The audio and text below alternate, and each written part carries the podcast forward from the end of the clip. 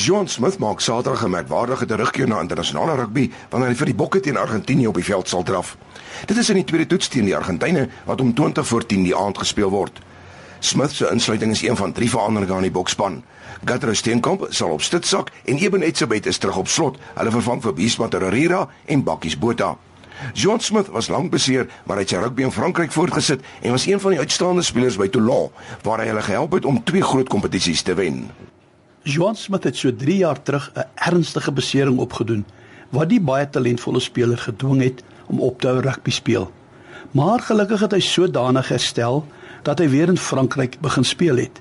En sowaar hierdie jaar kies Heineke Meyer om weer om vir die Springbokke te speel, iets wat niemand ooit gedink het weer sou gebeur. Ai tog, is dit maar ook so in die spel van die lewe. Jy kry dikwels seer en dit voel of dit verby is. Jy gaan nooit die terugslag oorkom nie. Dis klaar met my op watter gebied ook al. Johan kry 'n tweede kans in sy loopbaan en ek het goeie nuus vir jou. Ons God is 'n God van tweede kansse. Jy kan maar reg deur die Bybel kyk hoe hy dit vir soveel mense doen. Dink aan Moses. Hy pleeg moord, vlug weg.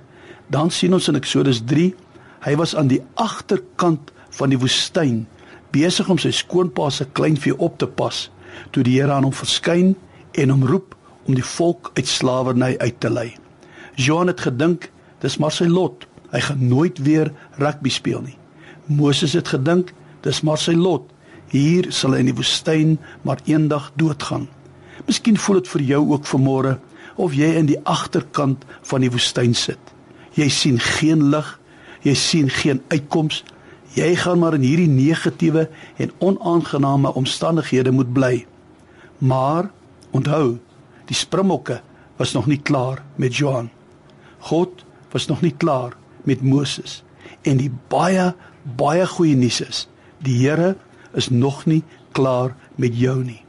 Johan word weer 'n springbok. Moses word een van die grootste leiers van alle tye. En onthou, hy het moord gepleeg. Hy was 40 jaar in die woestyn. Tog word hy 'n sleutelfiguur in die Here se plan met sy volk. Jy moet vermore besef, die Here het 'n plan vir jou.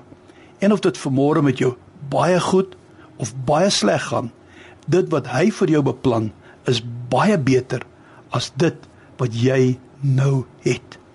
Here Jesus, so dikwels word ons deur mense of omstandighede afgeskryf.